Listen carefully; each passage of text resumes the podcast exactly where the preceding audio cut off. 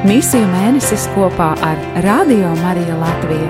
Piedāvājam dienas pārdomas no Tautu evanģelizācijas kongregācijas pontificālās misiju biedrības sagatavotās grāmatas Kristīti un Sūtīti - Kristus baznīcas misija pasaulē.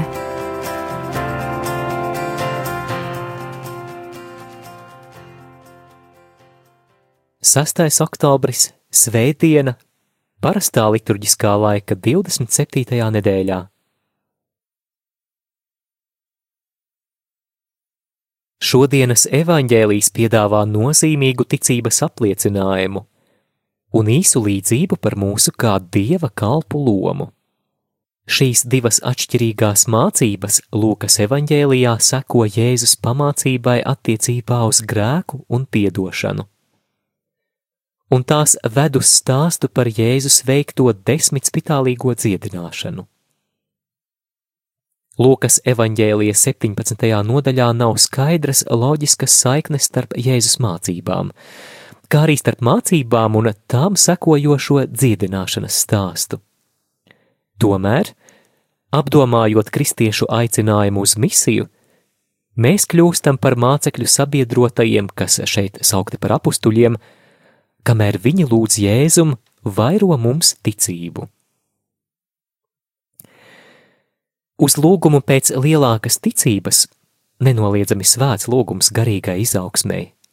Jēzus atbild salīdzinot divas galējības un sakām vārdā apvienojot mazas sinepju sēklas tēlu ar liela koka zīdkoka tēlu. Izmantojot vienkāršu tēlu, viņš mudina mūs pacelties pāri parastai loģikai, piedāvājot domu, ka ticība nedarbojas pēc parastajiem cilvēciskiem kritērijiem, bet drīzāk parādās neizprotama cilvēka skatienam, kā zīdkoks jūras vidū. Ticība savos pamatos ir dziļa uzticēšanās Dievam un tam, kā Dievs darbojas. Iespējams, katrs misionārs, kam ir zināma pieredze, ir redzējis dieva darba augļus apstākļos, kas šķituši pilnīgi naidīgi pret jebkuru rezultātu. Šodienas evaņģēlijas izaicina mūs ticēt dievam ārpus cilvēciskās loģikas un iespējamās izpratnes robežām, tādējādi kļūstot vienotiem ar dieva prātu, iztēli, loģiku un sirdi. Apustuļi sacīja kungam vairo mums ticību. Šeit tos 12, kurus Jēzus izvēlējās savas kalpošanas sākumā, svētais Lūka sauc par apustuļiem. Šis vārds nozīmē sūtīts. Kaut arī citi evaņģēlīji šo terminu lieto tikai vienu reizi, lai apzīmētu konkrēto Jēzus mācekļu grupu. Lūka savā evaņģēlijā to izmanto sešas reizes, un 28 reizes apstuļu darbos. Agrīnā baznīca apzinājās šo 12 personu tālāk nenododamo privilēģiju. Viņu pilnvaru un misijas autentiskums balstījās uz paša Jēzus personīgo izvēli. Viņš tos izvēlējās un sūtīja. Tāpēc šie apstuļi ir augšām celtā kunga labās vēsts oficiāli liecinieki un tādēļ viņu ticībai uz Jēzu jābūt pietiekami lielai. Viņi ir privileģētie Jēzus mācības un brīnumu liecinieki, un tajā pašā laikā viņi ir trausli cilvēki, tādi paši kā mēs visi, kurus māca šaubas un kuriem pietrūks ticības. Tā ir viņu lūkšanas, kas adresēta Jēzum šodienas evaņģēlijā motivācija, pavairo mūsu ticību ar pārliecību, ka Jēzus ir Dievs. Ko tas nozīmē mums visiem, kas tiekam sūtīti šodien? Mums pazemīgi jāatzīst, ka mums vēl pietrūkst daudz ticības pasaules evanģelizācijas misijai. Iespējams, kungs mums nesaka, ja jums būtu ticība kā sinepju graudiņš, jūs sacītu šim zīdkokam, tiec izrauts ar visām saknēm un iestādīts jūrā, un tas jums paklausītu. Nav iespējams ar ticību pārvietot kalnus, ja mums pietrūkst šīs būtiskās ticības kungam Jēzum. Jēzum, kas ir augšām cēlies un dzīvo mūsos un mūsu baznīcā. Kāda nozīme ir vēlmē iegūt ticību, kas pūļu priekšā dara brīnumus, vai dziedināšanas dāvanas, vai neparastas spējas, lai samulsinātu šodienas pagānus un kristiešus? Pats Jēzus savu laika biedru un apstuļu klātbūtnē darīja daudzus, daudzus brīnumus, un tas viņu ticību nepalielināja. Pats svarīgākais ir iemantot pazemību, kāda bija apstuļiem, kas nepārtraukti lūdza kungu nākt viņiem palīgā. Es ticu, palīdzi man manā neticībā. Tā izsaucās ar nešķīsto garu apsēstā dēla tēvs. Marka 9, 24. Katrā evaharistijā, kad satiekamies ar augšām celto kungu, lūksim viņam ticību, kas nepieciešama, lai viņu satiktu mūsu dzīvēs un mūsu pasaulē. Tikai nemitīga lūkšana, kas ir misijas dvēsele, padara ticību iespējamu. Tūlīt pēc tam Lūkas evanģēlijs konfrontē mūs ar scenāriju, kas aizgūts no ikdienas dzīves, lai piedāvātu mācību par apustulātu. Lai arī cik brīnišķīgi būtu mūsu darba rezultāti, mēs vienkārši izpildām uzdevumus, ko Dievs mums ir uzticējis. Jēzus laika ikdienas dzīvē saimnieka un kalpa lomas ir stingri noteiktas. Meistars pavēl un kalps to izpilda. Tiek sagaidīts, ka kalps pēc lauksaimniecības darbiem pievērsīsies mājasaimniecības darbiem, pat neņemot pārtraukumu, No kalpa puses nevar nākt tādi iebildumi kā nogurums, izsalkums vai slāpes. Noteikti Jēzus vārdus nevajadzētu interpretēt kā senlaiku verdzības ekonomiskās institūcijas attaisnojumu.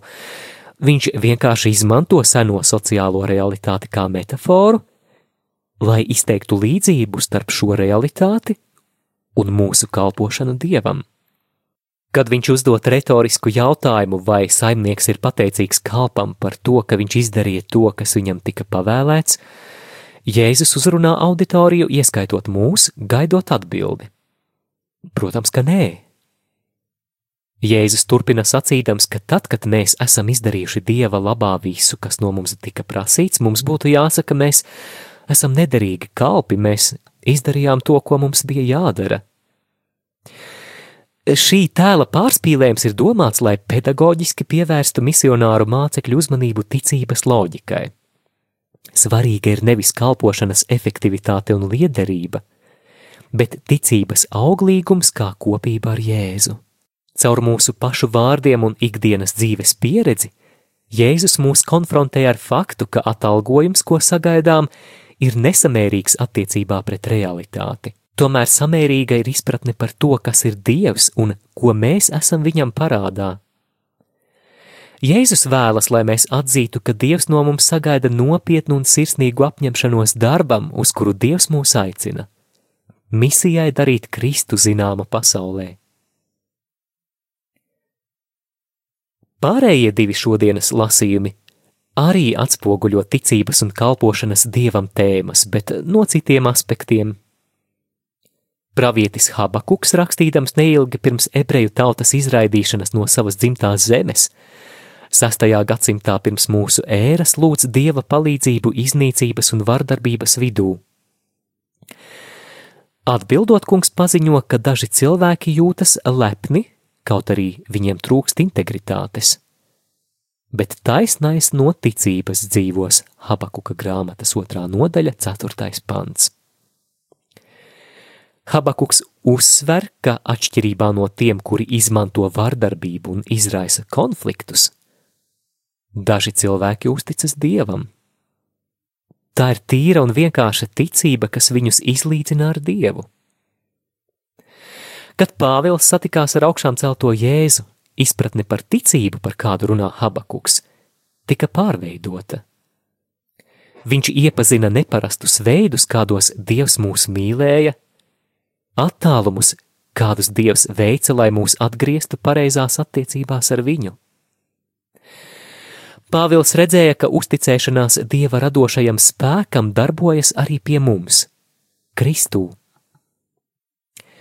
Pāvils atklāja brīvību un ticību mūsu attiecībās ar Dievu, un tas viņu un ikvienu ticīgo pēc viņa mudina iet pasaulē, lai darītu citiem zināmu dieva atjaunojošās mīlestības labo vēsti un lai paziņotu par Jēzus atpestīšanu nesošām lieldienām.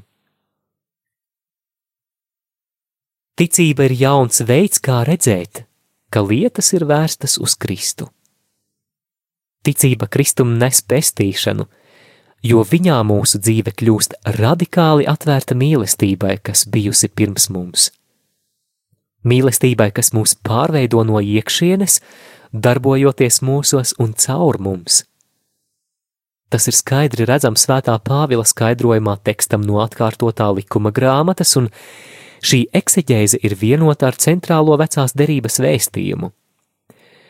Mūzus cilvēkiem saka, ka dieva pavēle nav nec pārāk augsta, nec pārāk tālu. Netaujā savā sirdī, kas uzkāps debesīs, tas ir novest Kristu zemē. Ne arī kas nokāps bezdibenī, tas ir uzvest Kristu augšā no mirušajiem. Romiešiem desmitā nodaļa no 6. līdz 7. pantam. Kristus nāca uz zemes un augšām cēlās no mirušajiem, Ar savu iemiesošanos un augšām celšanos Dieva dēls aptvēra visu cilvēku dzīvi un vēsturi, un tagad viņš caur svēto garu mājo mūsu sirdīs.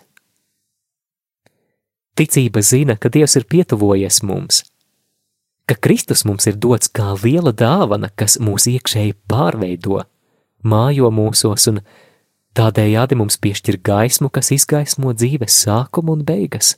Tad mēs ieraugām atšķirību, kuru dod mums ticība. Tie, kas tic, tiek pārveidoti ar mīlestību, kurai viņi ticībā ir atvēruši savu sirdi.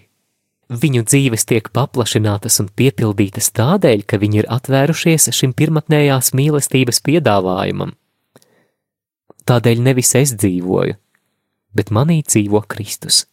Galatiešiem otrā nodaļa, 20. pants lai Kristus caur ticību iemājo jūsu sirdīs, Efeziešiem 3. nodaļa, 17. pants. Ticīgā cilvēka sevis apzināšanās tagad paplašinās otra klātbūtnē. Tagad tā dzīvo šajā klātbūtnē un tādā veidā mīlestībā dzīve iegūst pilnīgi jaunu plašumu. Šeit mēs redzam svēto garu darbībā.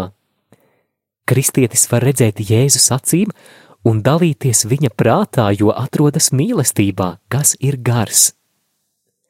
Esot Jēzus mīlestībā, mēs zināmā veidā uztveram viņa redzējumu. Nesot viņa mīlestībā, bez gara klātbūtnes nav iespējams viņu atzīt par kungu. Pirmā vēstule korintiešiem 12.3.